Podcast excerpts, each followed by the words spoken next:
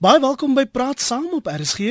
Dis Iver Price hier vandag en maandag in Verlenet Fransis, net hier op 100 tot 104 FM.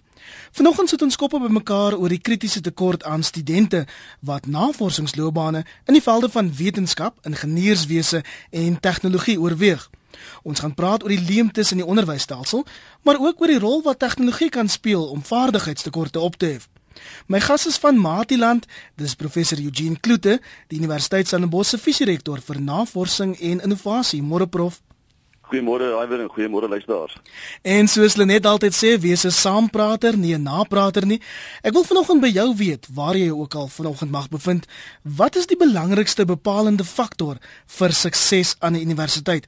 Met ander woorde, wat is die een ding wat maak dat 'n student op universiteit slaag of nie? Dalk het jy of jou kind alself ingeskryf vir 'n kwalifikasie in wetenskap, ingenieurswese, tegnologie, maar toe later opgeskop. Wat het gebeur? Professor Kloete, hoe ernstig is hierdie tekort aan studente in navorsingsloopbane? Ja, iwer ons sit uh, veral in uh, sekere van die vakgebiede sit ons met 'n tekort aan nagraadse studente uh omdat die land eintlik ook 'n behoefte het in daai bepaalde velde en uh as ons kyk spesifiek hier uh in die water uh veld in energie uh en gesondheid en natuurlik in ook in terme van infrastruktuur. Nou dit is so dat wanneer iemand na universiteit toe kom uh om 'n graad te doen in ingenieurswese byvoorbeeld dat daar so 'n groot aanvraag is vir ingenieurs in die land dat hulle selde uh aangaan met nagraadse studie. Uh hulle word opgeraap deur die private sektor en begin dan onmiddellik met 'n loopbaan in die private sektor. Dit wil sê die navorsing uh, wat gedoen behoort te word uh, in terme van byvoorbeeld alternatiewe energie of skoon energie dan uh, bly tot 'n groot mate agterweë en soos wat daardie tegnologie byvoorbeeld ontwikkel en meer beslag gaan kry in 'n land soos Suid-Afrika, gaan ons sit met ernstige vaardigheidstekorte van mense wat in daai bepaalde sektor kan werk. In die watersektor is dit eintlik dieselfde, maar daar lê die probleem eintlik op al die vlakke. Dit lê eintlik op die tegniese vlak, dit lê op die gradiandi vlak en dit lê op die nagraadse die nagraadse uh, uh, uh, uh, vlak. Byvoorbeeld die hele probleem rondom suurmynwater in in Suid-Afrika. Dit verg eintlik 'n baie groot investering uh, in navorsing en ook kundigheid om daai probleem aan te spreek wat met ons gaan wees vir die volgende 10 tot 20 jaar. So ons sit met bepaalde vaardigheidstekorte in bepaalde uh vakrigtinge en van die is op nagraadse vlak en dan natuurlik ook 'n baie groot vaardigheidstekort in terme van tegniese personeel wat nie noodwendig universiteitsgraad het nie. Jy het nou verwys na die watersektor. Is daar spesifieke velde of sektore wat erger as ander sukkel? Met ander woorde, waar is die vaardigheidstekorte? Ja, dit is saaklik eintlik uh in die platteland uh waar daar probleme is met die behandeling van die munisipale afvalwater enerzijds maar eintlik 'n groter probleem uh, met die voorsiening van uh drinkwater. Ehm um, elke dorp in die platteland het eintlik nie net 'n ingenieur nodig wat verantwoordelik is vir die water nie, maar ook tegnisi wat kan seker maak dat die water behandel word uh, tot op die vlak waar dit geskik is vir uh, menslike gebruik. En omdat dit nie daar is nie, daai vaardighede nie daar is nie, is dit so dat 'n uh, baie groot persentasie van byvoorbeeld selfs in stede uh 'n baie groot persentasie oor die 60% van die rioolwerke nie na behoore werk nie en daai water vloei dan direk in die riviere in. Uh dit het baie negatiewe implikasies op die landbou. Ek het gesien die afgelope tyd in nuus rondom die riviere uh hier by Stellenbosch uh wat gebruik word om vrugte mee te besproei en die bakterieë wat dan in die riviere beland, uh maak dit amper onmoontlik om hy water te gebruik vir bes besproeiingsdoeleindes as gevolg van die risiko van siekte veroorsakende bakterieë wat dan saam met die vrugte kan versprei word. Maar dit is dus op die tegniese vlak uh sodat mense die vaardighede sou hê om uh, die rioolwerke byvoorbeeld te kan bedryf en dan natuurlik ook uh, eintlik amper net so belangrik, dit nie belangriker nie, uh voorsiening te maak vir drinkwater. En daarom sien ons byvoorbeeld in hierdie afgelope week uh sit Gramstad byvoorbeeld met probleme rondom watervoorsiening. Beaufort Wes het probleme gehad oral in die land eintlik gebeur dit dat en dit gaan toeneem in die toekoms indien ons nie die vaardighede ontwikkel nie uh en ook navorsing doen oor hoe ons water uh beter kan benut nie gaan dit toeneem dat dorpe vir tye lank sonder water sit. En die SMS'e begin instroom op 3343. 'n Hele paar luisteraars wat vir my sê professor, die probleem met sy oorsprong op by ons skole. Iemand skryf hier vir my, die belangrikste vereiste om te slaag op universiteit is om nie 33% in matriek te kry nie. Dis 'n belaglike skoolvereiste, internasionale grap. Die tipe ouetjies wat hulle hele skoolloopbaan, skoolloopbaan met lepeltjies gevoer word, val uit soos vliee op universiteit. Is dit so? Kan 'n mens die onderwysstelsel hiervoor die skuld gee? Ja, weet jy, daar ek stem saam met wat die ehm uh, luisteraar uh, daar vir ons skryf. Ehm um, ek dink ons het eintlik redelike groot probleme in die hele stelsel. Uh, nie net op skole nie, maar eintlik deur die hele stelsel, universiteite en uh, naskoolse opleiding ensovoorts. En uh 33% is natuurlik nie genoeg nie. Uh en ook 50% aan die universiteit wat min of meer die slaagvereiste is wat ons van studente verwag, is eintlik ook nie goed genoeg nie. Ehm uh, dink net daaraan dat jy nou moet uh oor 'n brug ry eh, wat deur 'n ingenieur ontwerp is wat net 50% van die eksamen deurgekom het. Of net 50% moes behaal in die eksamen. Maar die hele manier hoe ons mense potensiaal ontsluit word eintlik gedemp deur die sisteme wat ons in plek het uh, op in, in ons opvoedingsstelsel. En ek kan uh, baie lank praat oor hierdie sisteme. Ehm uh, wat ons grootste uitdaging is in terme van die onderwyssektor beide by skole en natuurlik dan in, in naskools uh is om die waarde uh proposisie reg te kry. Want op die oomblik uh lê die eienaarskap vir die leerproses by die onderwyser of by die dosent, by die professor. Die eienaarskap vir die leerproses moet eintlik lê by die leerder. Maar ons stelsel bepaal dat 'n student moet deurkom uh om dan 'n graad te kry en die waardeproposisie lê in daai graadsertifikaat of die waardeproposisie lê daarin om graad 12 te slaag op 33% want dit is die vereiste wat daar gestel word. Uh so daar wat daar geleer word in die proses is eintlik irrelevant vir die leerder of vir nie almal nie maar vir die meeste van die leerders. Hulle dink die graad is dit wat vir hulle 'n uh, loopbaan gaan gee. Dis natuurlik nie so nie. Dit is eintlik wat jy leer tydens daai proses wat saak maak. Maar ons waardeproposisie moet verskuif sodat die leerder eienaarskap vat van daai leerproses en die waarde daarvan insien, dan gaan 33% nie saak maak nie. Dit gaan 'n 100% wees waarvoor hulle gaan werk. En solank ons die verkeerde stelsels in plek het. Eksamens byvoorbeeld is nog so 'n voorbeeld. Uh ek gaan 'n voorbeeld gebruik. Uh as ons uh sê maar 'n uh, onderwyseres het wat vir klein Pietie moet leer om te lees. En aan die einde van 'n hele jaar moet die 'n onderwyser of onderwyseres 'n eksamen afneem om uit te vind of Pietie kan lees of nie, dan is dit eintlik 'n fout. Uh dit behoort deur die jaar behoort die onderwyser of onderwyseres agter te kom dat klein Pietie kan nie lees nie. Het nie eksamen nodig om dit te bevestig nie. Nou ons maak dieselfde fout by universiteite. Ons gee 'n eksamen wat eintlik soort van 'n kwaliteitskontrole proses is aan die einde uh of van die semester of hoogstens 1 of 2 toetse tydens die semester en dan een aan die einde en 'n mens gebruik dit om te bepaal of iemand iets geleer het. Uh dit is weer eens 'n kwaliteitskontroleproses. Dit wil sê dis na die maal. Ons moet eerder fokus op kwaliteitsversekeringsprosesse dat die eksamen eintlik totaal onnodig word. Jy moet weet die student weet wat hulle moet weet in die tyd wat hulle daai kursus voltooi het. So daai stelsel uh ontwerp van hoe ons dit doen en die waarde uh proposisie kry ons totaal verkeerd. Nie net in Suid-Afrika nie, ons kry dit verkeerd oor die hele wêreld. Daarom kry jy byvoorbeeld uh die gesegde dat jy kry baie uh ongeletterde geletterde mense. Oral in die werkplek ook, né? Oral in die werkplek. En, en dit is eintlik, weet ons blameer die kinders en ons blameer almal. Ons moet onsself bietjie onder oë neem en vir onsself afvra wat is ons besig om te doen hier? Uh wat hoe uh, ek, ek is absoluut oortuig daarvan dat uh, elke normale mens gebore is met dieselfde hoeveelheid genialiteit uh, as 'n Albert Einstein of 'n Leonardo da Vinci. En dan kom die prosesse. Voorskool is daar 'n klomp prosesse wat van ons kinders eintlik baie van daai genialiteit ontneem. Dan gaan hulle skool toe en in die skoolstelsel uh, gebeur eintlik dieselfde. Dan gaan hulle universiteit toe. Natuurlik nie by Stellenbosch Universiteit nie, maar dan gaan universiteit toe en dan word elke bietjie genialiteit wat nog oor was ook vernietig. Jy het Langehoven het gesê dit het hom 3 jaar gevat na hy sy graad gekry het om sy common sense terug te kry. So. Nou, Professor, dit is ongelukkig nog steeds die geval.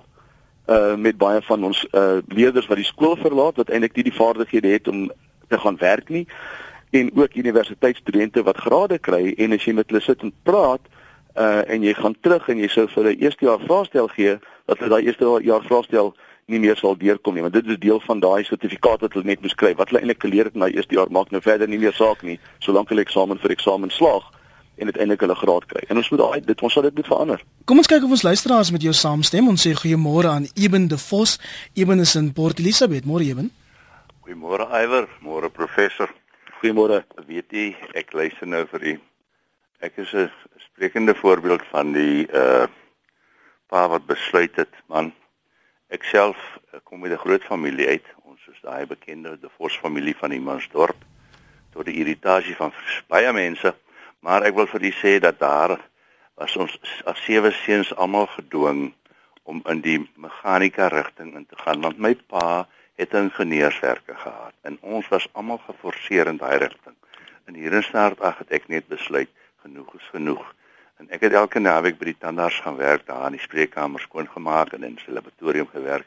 En einde ten laaste is ek toe weermag toe en daarna kwalifiseer ek as tandtegnoloog kom terug na Port Elizabeth, baie suksesvol in my beroep. En nou is daar net een ding in my kop. Nou teen hierdie tyd het ek nou al twee seuns en 'n dogter en my uitkyk is nou my seun moet nou 'n tandarts word. Ek gaan 'n deel van my huis omskep in 'n pragtige van 'n 'n spreekkamer en ek forceer die klong hier afstel in Bos toe en ek sê vir hom nou gaan jy tandheelkunde bestudeer. En so na so 9 maande vind ek nou uit groot fout. Dit was nou ek wat dit wou laat doen het. Ek het hom nie die kans gegee nie. Toe sê ek nou, "Wat wil jy doen?" Toe sê hy, "Pappa, ek wil graag in die regte studeer." En einde ten laaste, my seun is vandag gekwalifiseerde, hooggeregspekteerde advokaat in Port Elizabeth. So die ouer moet besef dat hy kan nie sy stempel wil afdruk hier want daardie uh, uh, ouetjie wat hier uitval langs die pad. Dit is gevolg van verkeerde leiding. Ek dink die die die in in, in my dag. Ek is nou 66 en my dag was daar so iets soos beroepsvoorligting wat gedoen was op skool. En weet jy, daar was soveel kansse gegee vir mense om om om om 'n rigting in te slaan omdat hulle daardie beroepsvoorligting op skool gekry het. Laastens wil ek net sê, professor het nog gepraat van na die student afgestudeer is, dan gaan hy nou uh, uh word hy opgeraap deur die private sektor. Nou dan sy verlore vir navorsing in in in in verdere vlakke. Weet jy dat in hierdie land is daar 'n magdom van afgetrede ingenieurs. 65 is nie oud nie. Ek was laas jaar 65. En ek is nou nie 'n ingenieur nie, maar weet jy baie van hulle kom tree af op klein dorpies. Ewen ek gaan jou ongelukkig daar moet groet want ehm um, John Tennyson van Beaufort Wes is ook op die lyn en hy 'n rukkie aan baie dankie vir jou bydrae Ewen. Môre John. Uh, môre alweer môre prof. Goeiemôre Jan. Uh, ek, ek kan nou nie meer saamstem met die professor as vanmôre nie. Uh, ek was 10 jaar in die onderwys en ek boer nou op hierdie stadium. My kinders is ook al reis het in uh professionele ehm um, uh, werke. Maar wat ek wil sê is wat ek nou agterkom is omdat ek in die onderwys onderwys was, let ek dit nou verseker op. Ek wil sê dat na 94 tot nou toe sit ons en ek, da, ek weet nie ek het 'n regte Afrikaanse woord daarvoor, 'n gap van jong mense wat absoluut in die steek gelaat is deur 'n bestel. Jy weet ek sien dit ek het ek het ek het mense in diens. Um, maak nie saak van watter kleurgroep dit is nie. Die ouens gee net eenvoudig op. Hy hy het nie daai deursettingsvermoë nie. En dan wil ek sê, jy weet ek het dit my eie kinders opgetel of hulle sê vir my daai gaping tussen skool en universiteit is totaal te groot. Ek meen jy weet ek kry ek kry eerste jaar jammer wat wat in universiteit toe gaan, want ek meen die uh uh hy hy moet soveel insette lewer daar en en en hy weet nie hoe om dit te doen nie. Ek wil net 'n ander puntjie aansny is dat wat ek ook nie kan verstaan het wat die wat die wat die bestel gedoen het nie, is dat hulle ehm um, tegniese vakke uit akademiese skole uitgeneem het. Kom ons sien nou byvoorbeeld soos houtwerk of metaalwerk, tegniese tekeninge en hulle het dit uitgeneem want daar's tegniese skole, maar almal kan nie na tegniese skool toe gaan nie. Jy weet ek wil net gou en as dit klaar.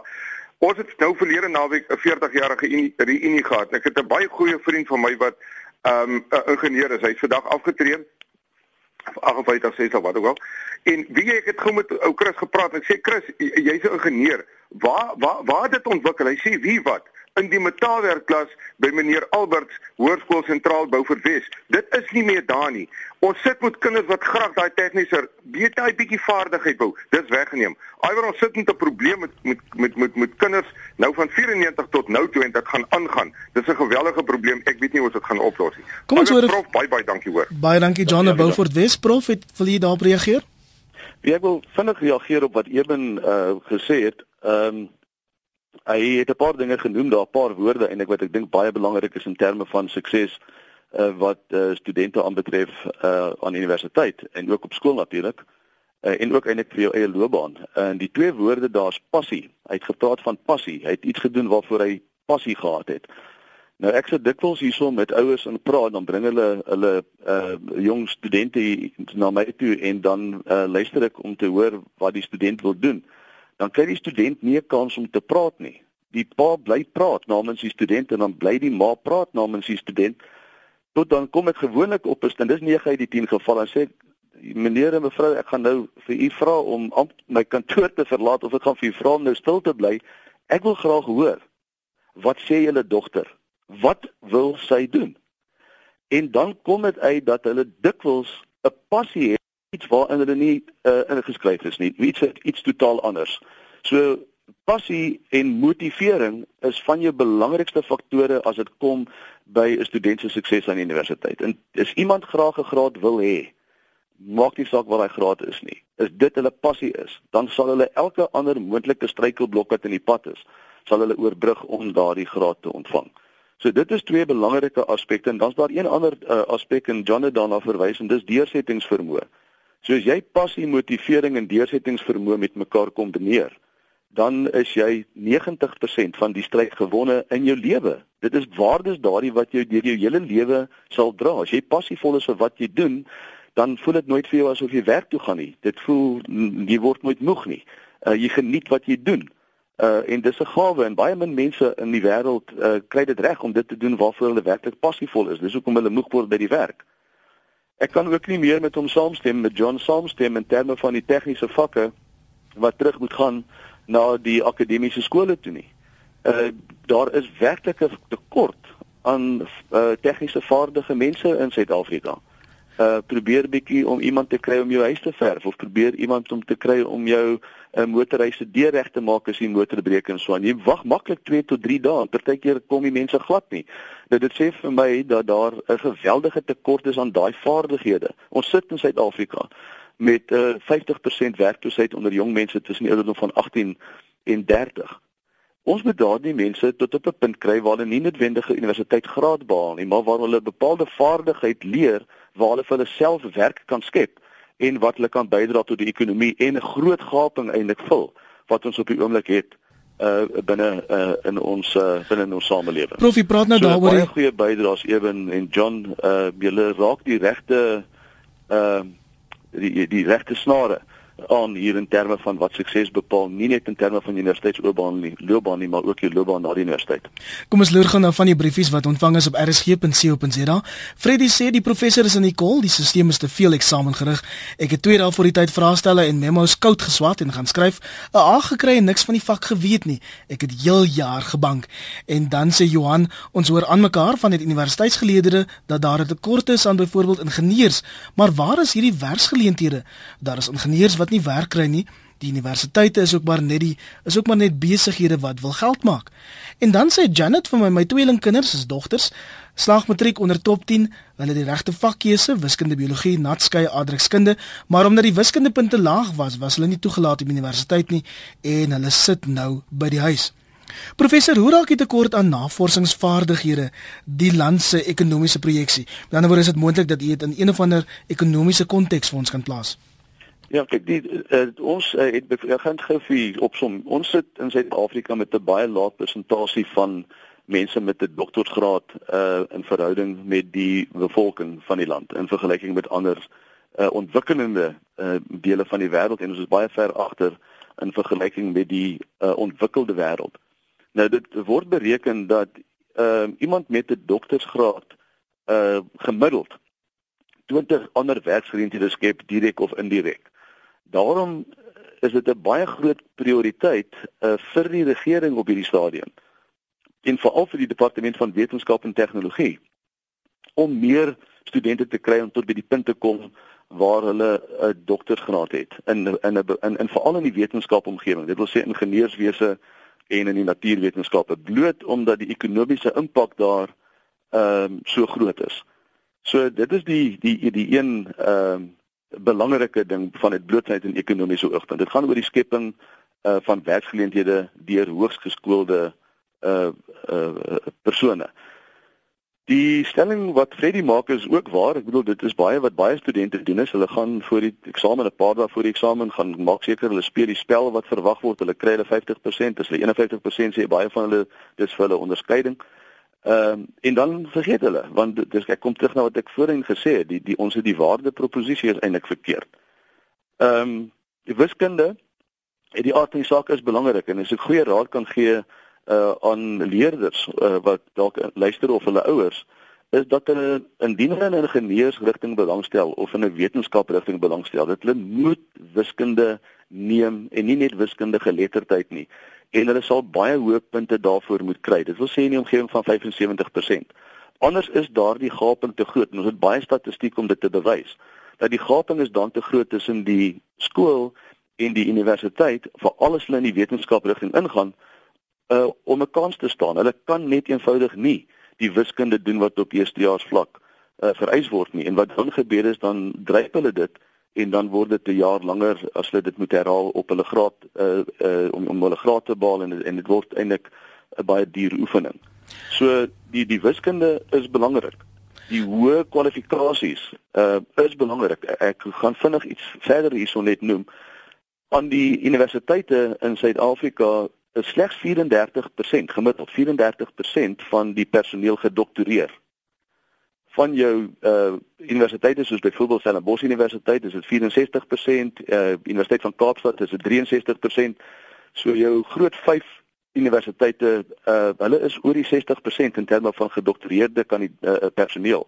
Maar die probleem daarmee is as jy kyk na 34%, dan beteken dit eintlik dat baie van die universiteite op die oomblik in Suid-Afrika kan nie mense oplei op die PhD of op die doktorale vlak nie.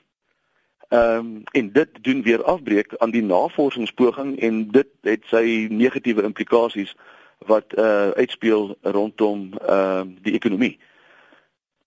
Ek wil een ander voorbeeld noem van hoe navorsing en hoe tegnologie spesifiek nuwe 'n totale nuwe ekonomie skep. Vat byvoorbeeld selfone wat 20 jaar nie deel was van ons samelewing nie. Die selfoonbedryf wat 'n ingenieursuitvloeisel is, uh, is vandag een van die grootste bedrywe in die wêreld. Dit is 'n groen bedryf. Inteendeel, dit gaan help dat ons byvoorbeeld in die toekoms ook meer groen kan lewer want ons lewe want ons het beter maniere om te kommunikeer en ons hoef nie die hele tyd in vergaderings bymekaar te kom en die wêreld vol te reis om bymekaar uit te kom nie. Dan kyk mense na iets soos Google wat gedoen is eintlik deur 'n student uh wat dit ontwikkel het uh vir jong mense onder die ouderdom van 30 dit het 'n totale nuwe ekonomie geskep. So en ons het dit nodig. Ons het hierdie groen ekonomie nodig en daarvoor het jy navorsing nodig. Daarvoor het jy navorsers nodig en jy het hulle nodig op 'n baie hoë vlak waar jy mense het met uh, wat goed gekwalifiseerd is wat werk met briljante studente. En daai energie bring vir ons hierdie nuwe ekonomie. Ons het 'n hele paar luisteraars op die lyn wat wil saampraat en ons sê vinnig goeiemôre aan Fred in KwaZulu-Natal en Fred nee, ons sê eers goeiemôre aan Grietjie in Durban wil. Môre Grietjie, jy wil juist praat oor die digitale era, né? Nee? Ja, goeiemôre. Ehm um, ek moet nou eers gou sê ek het ek het groenvoring op die land, my my kinders is nog redelik jonk. Maar ehm um, ek ek kom uit 'n stelsel uit waar ehm um, jy weet ek het my vyf onderskeidings gehad in matriek en so aan, maar presies wat die vorige persoon ook gesê het, uh, jy kom met al die A's deur en jy weet absoluut niks, want die probleem daar was ehm um, die waarde wat geheg was aan soos die professor gesê het die eksamen op die ou end. Ehm um, dit ons ons is geleer, ons het eksamenvaardighede geleer, maar daar is nooit werklik waarde geheg aan die kennis nie. Nou ons het ek en my man het nou ons vier kinders gekyk en besluit dit dit gaan net nie werk vir ons nie. Dit is nie die tipe mense wat ons in die wêreld wil instuur nie. En ook omdat ons uit half die industriële era kom waar daardie tipe goed jy weet dit was hoe dit gedoen is maar ons maak kinders groot vir 'n digitale era en ons het besluit dat die oplossing vir ons gesin lê in tuisonderrig en ek wil net verduidelik waarom ons so gevoel het omdat ehm um, juist die dinge wat die professor aanraak, die navorsingsvaardighede. Dit word nie op skool geleer nie. Ek het skool gehou, ek weet wat daar gebeur. Ons ons kinders word dit nie geleer nie. Ons visie vir ons kinders is om hulle passie baie baie vroeg in die lewe te vind en hulle dan elke moontlike vaardigheid uit te leer. Vaardighede nie toetsvaardighede nie werklike kennis weet waarom kennis te kry weet waarom kundiges in ons omgewing te gaan raadpleeg. Ek het jong kinders nog maar sodra daar 'n 'n 'n passie opborrel en ons sien reg hierdie kleintjie is lief vir met sy hande werk dan probeer ons vir hom soveel as moontlik geleenthede skep om in daardie rigting te gaan om mense te vra wat kundig is, om te gaan weet waar om te gaan soek op die rekenaar my kinders is klein, maar ons leer hulle om te Google, ons leer hulle om te YouTube. Ons probeer hulle um, nou reeds gereed maak vir wanneer hulle die die die digitale era as groot mense gaan gaan betree. Ehm um, en ja, dit is dis basies vir ons is in daardie in, in, in terme daarvan. Ehm um, ek glo net daar is soveel kinders met soveel geweldig potensiaal wat op skool sit. Maar die sisteme wat in plek is, ehm um, onderdruk die passie en dit gee nie vir ons kinders die geleenthede om werklik te leer nie. Daar is nie waarde geheg aan om kennis in te win. Dit gaan Frikkie. oor aan die einde van die dag moet ek 'n A kry vir my. En alles wat mooi is, baie dankie dat jy jou storie met ons gedeel het. Dit is nogal vir my uh inspirasie. Ons sê môre aan Fred in KwaZulu-Natal. Fred, jy wil 'n punt maak oor die puntestelsel wat te laag is op skool.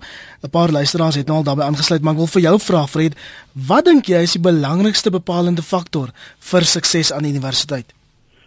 Dankie Iver, dankie Prof Klute. Ja, hierdie onderwerp is al baie keer aangehaal deur professor Jansen van Bloemfontein Universiteit. Hy kry 'n produk van skoolvlak af eh, wat hy op universiteitsvlak niks meer kan doen nie. Weens die lae standaarde wat daar op eh, op skoolvlak die die slaagsyfer wat toegepas word. Nou kom ons by 'n situasie uit ons sit met 'n geweldige tekort aan vakmanne op baie gebiede, ambagsmanne. Daar is 'n oop veld Maar die probleem wat ons het, die opleiding vir daai mense is nie daar nie en hulle is nie behoorlik gekwalifiseer nie. Hulle koop daai kwalifikasie met 'n uh, brief of 'n ding wat hulle by jou mee aankom, sertifikaat wat vals is. En daai tipe van ding, maar dan wil ek ook net sê, as gevolg van hierdie stelsel sit ons ook op die munisipale vlak. Ek was 'n munisipale raadslid, ek weet waarvan ek praat. Dan sit jy jy met mense aanstel wat nie bevoeg is om die taak te doen nie. En nou gaan ons verder en dan kyk ons byvoorbeeld na die die die die die die uh uh as jy kyk na die audit verslae wat nou uitgebring is van die munisipaliteite waar daar 17 geslaag het en oor die by die 200 het eh, het die nie nie slaagsyfer gehaal nie. Nou as jy da, dit wys nou weer op 'n ander vlak en dit gaan als om behoorlike gekwalifiseerde mense wat gekwalifiseerd is en ons probleem lê ons wil regstellende aksies toepas met mense wat nie die vermoë het nie. Baie, baie dankie vir jou bydrae Fred in KwaZulu-Natal. Margaret op Rodepoort, baie dankie dat jy so lank aangehou het. Nee, dis dit reg. Hallo aan Vanella prof.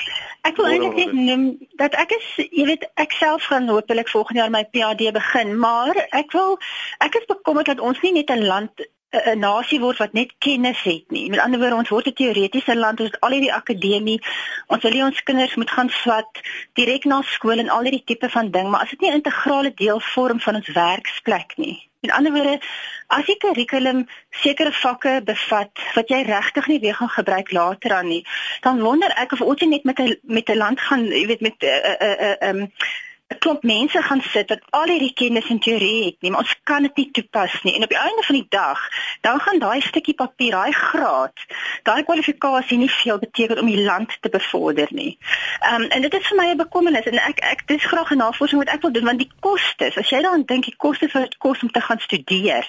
En ek het nou al deur al die jare deur my ehm um, werkservaring, het ek van mense gaan sit met jong mense sê ek vir hulle Is jy in die beroep wat jy eintlik gestudeer het? En die antwoord is nee. Dit beteken daai kostes om daai graad te kry plus die addisionele kostes wat jy nou weer moet aanleer vir dit wat jy eintlik nodig het om jou werk te doen.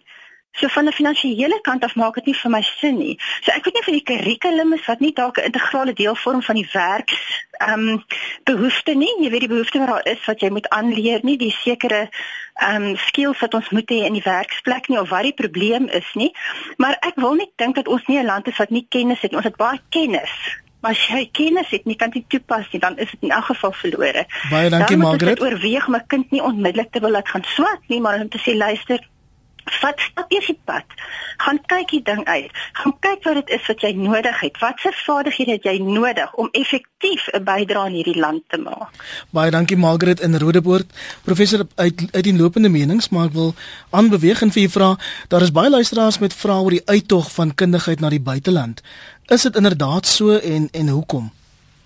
Ja, weet jy, Ehm um, ek is moet eerlik vir jou sê in die uh hier by ons universiteit en baie ander universiteite in Suid-Afrika is daar eerder 'n intog van kundigheid eerder as 'n uittog van kundigheid. Ons het hier nie klomp mense wat uh in die, in 'n tou staan om elders in die wêreld te gaan werk nie.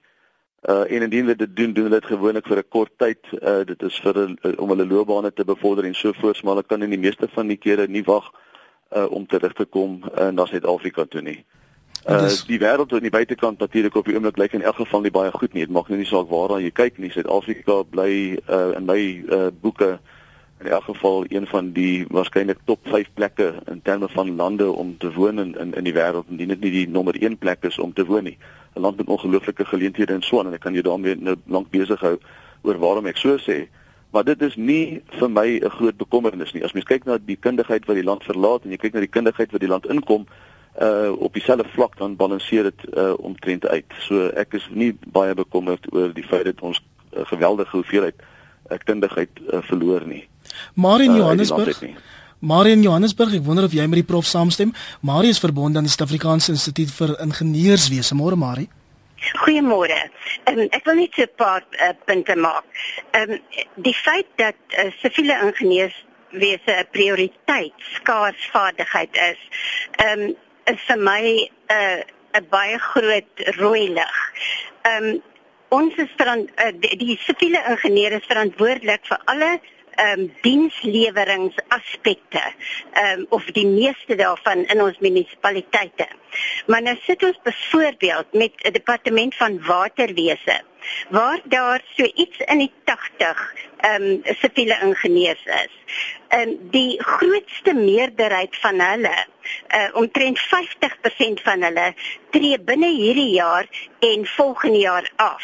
So ons daar's geen middel uh, bestuur ehm um, wat wat die topbestuur van ons ingenieurs kan ondersteun daar nie. En ons sit met 'n krisis, 'n absolute krisis as ons nie die regte vaardighede terugkry in 'n departement soos waterwese nie. En daar's daar sluit ek aan by die groot meerderheid van byvoorbeeld siviele ingenieurs wat bo omtrent 48 jaar oud is en wat die land dra op die oomblik, maar wat binne die volgende 5 na 10 na 15 jaar gaan aftree. En dan is daar 'n reuse gaping. Ehm um, wat ook 'n probleem is wat gevul moet word deur ehm um, studente te mentor. Die ander ding is dat daar kom baie studente in die stelsel in wat wat siviele ingenieurswese kom studeer. Maar vanweë die gebrekkige vanweë die gebrekkige wiskunde onderrig op skoolvlak veral uit ons agtergeblewe gemeenskappe kom hierdie studente nie deur die kursusse in die voorgeskrewe tyd uh, nie.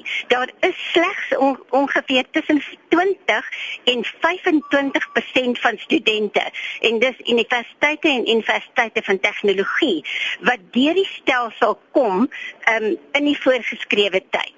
So jy weet dit is dit is regtig 'n situasie waarna 'n mens op skoolvlak moet kry. Ons moet Dankie, ons wiskunde en ons wetenskap op 'n vlak kry wat wat die kinders help.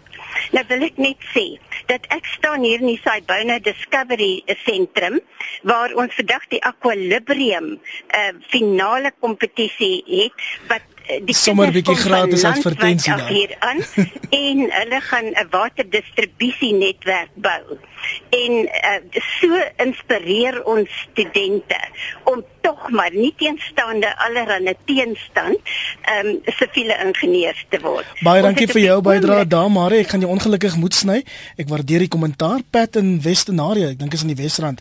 Hou al lank aan môre Pat. Goeiemôre Ive en die professor. Môre môre. Pat, kan ek jou vra om dit kort en kragtig te hou? Ek gaan dit probeer kort en kragtig. Ek is met standaard 7 uitskool. Ek het spoorweg toe gegaan as stoker, gekwalifiseer op 22 as stoomlokomotiefdrywer. En daar het my loopbaan eintlik begin. Vandag, om dit kort te maak, vandag sit ek met 9. Die professor sal weet wat die waarde van dit is wat ek nou sê. Vandag sit ek met 9 rooi seël government sertifikate. Ek het op 40 die ambag as elektriesien gedoen want ek het die elektriese ingenieur diploma gekry. Toe doen ek die ambag. Ek het op 38, 39 en 40 N1 en 2 en 3 vol sertifikate geskryf. So op die ou end toe ek aftree, sit ek waar op 'n plek waar meeste mense nooit eers in hulle lewe kom met universiteit. Dis wat ek wil sê. Iver. Baie dankie vir jou bydrae. Professor, wat kan ons as 'n land doen om mense potensiaal te ontsluit? Ja, eerstens wil ek vir Bert Galieer, uh Iver. Uh dit is die soort van mense wat ek dink ons nodig het uh in hierdie land. Uh hy het uh eintlik 'n baie goeie voorbeeld gestel dink ek van wat uh, gedoen uh, behoort te word. Hy het eintlik sy eie potensiaal ontsluit. Ehm um, ek wil ook die stelling maak dat ek uh, ek stem saam met uh, al die uh, uh, uh, vorige uh, uh, luisteraars. Ehm um, ons het definitief nie net mense met grade in die land nodig nie. Inteendeel, ek dink ons het meer vakmanne op hierdie stadium nodig as wat ons uh, persone het met universiteitsgrade. Dit is so wat Marie sê in terme van die ingenieurs. Ons ons stuur af op 'n ramp uh, indien ons nie die ingenieurs oplei nie en dit is ook so dat die skoolwiskunde nie uh, na wense is nie en en dit geld vir baie skole en veral die uh, skole van die mense wat uh, nie net voorheen benadeel is nie maar selfs nou nog benadeel word omdat daar nie onderwysers in die stelsel is nie. So om die uh om, hoe ons sluit ons die potensiaal. Die een manier uh, om dit te doen is om dit wat ons van mekaar verwag te verhoog, ook wat ons van onsself verwag om uh, hoër eise te stel aan onsself en ook hoër eise te stel aan die mense saam met wie ons werk en dit ook daai verwagting is 'n positiewe verwagting om daai positiewe verwagting te kommunikeer met die mense wie ons oplei en met wie ons werk.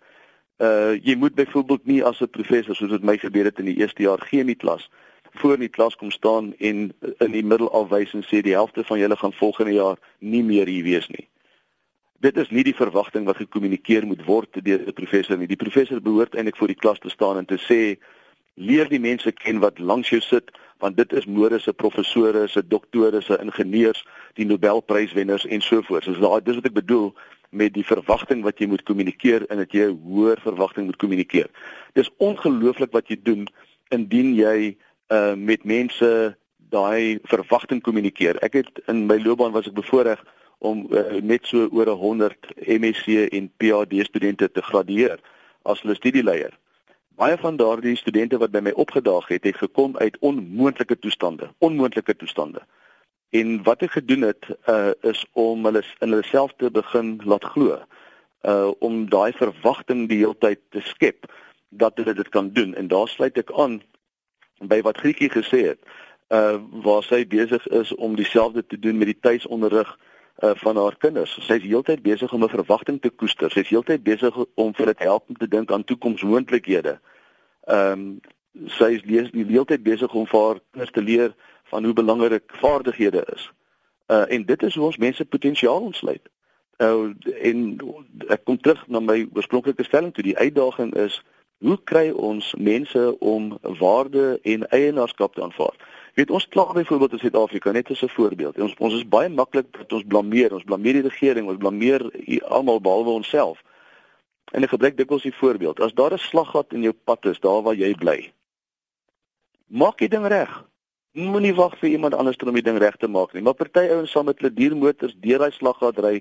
Hulle sal die as van daai motor breek en dan sal hulle die munisipaliteit blameer omdat daai slaggat nie reggemaak is nie. En ons moet daai soort van eienaarskap in hierdie land begin neem. Ons kan onmoontlik nie wag vir die regering. Nie in Suid-Afrika nie en nie regerings reg om die wêreld nie, want dit is 'n probleem met regerings van die land. Hulle werk in 5 jaar termyne. En dit is te kort om 'n impak te maak op iets wat 'n baie langer termyn jou skoolloopbaan is al klaar twee keer wat daardie termyn is. Ons moet self eienaarskap aanvaar.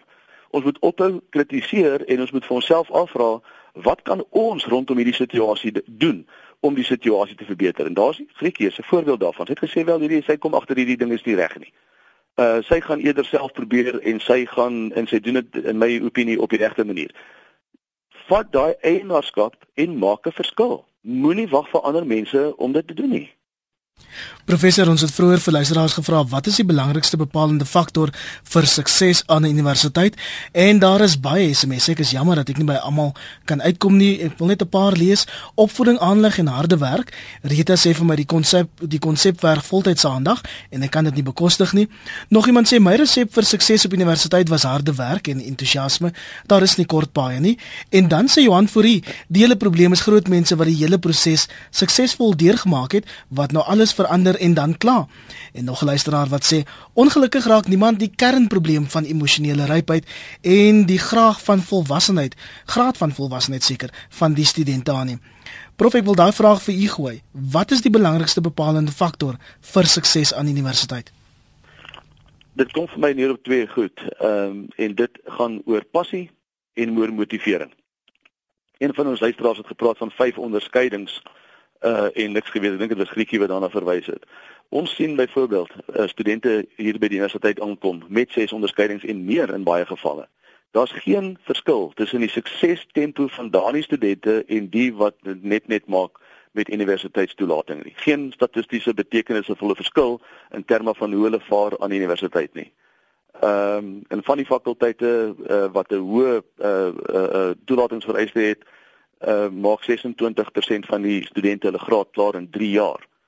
Uh en dan sou mens verwag dat die studente wat met 7 onderskeidings universiteit toe kom, uh, uh hier by die 90% sou wees in terme van hulle graad klaar maak in 3 jaar. Dis 2% hoër.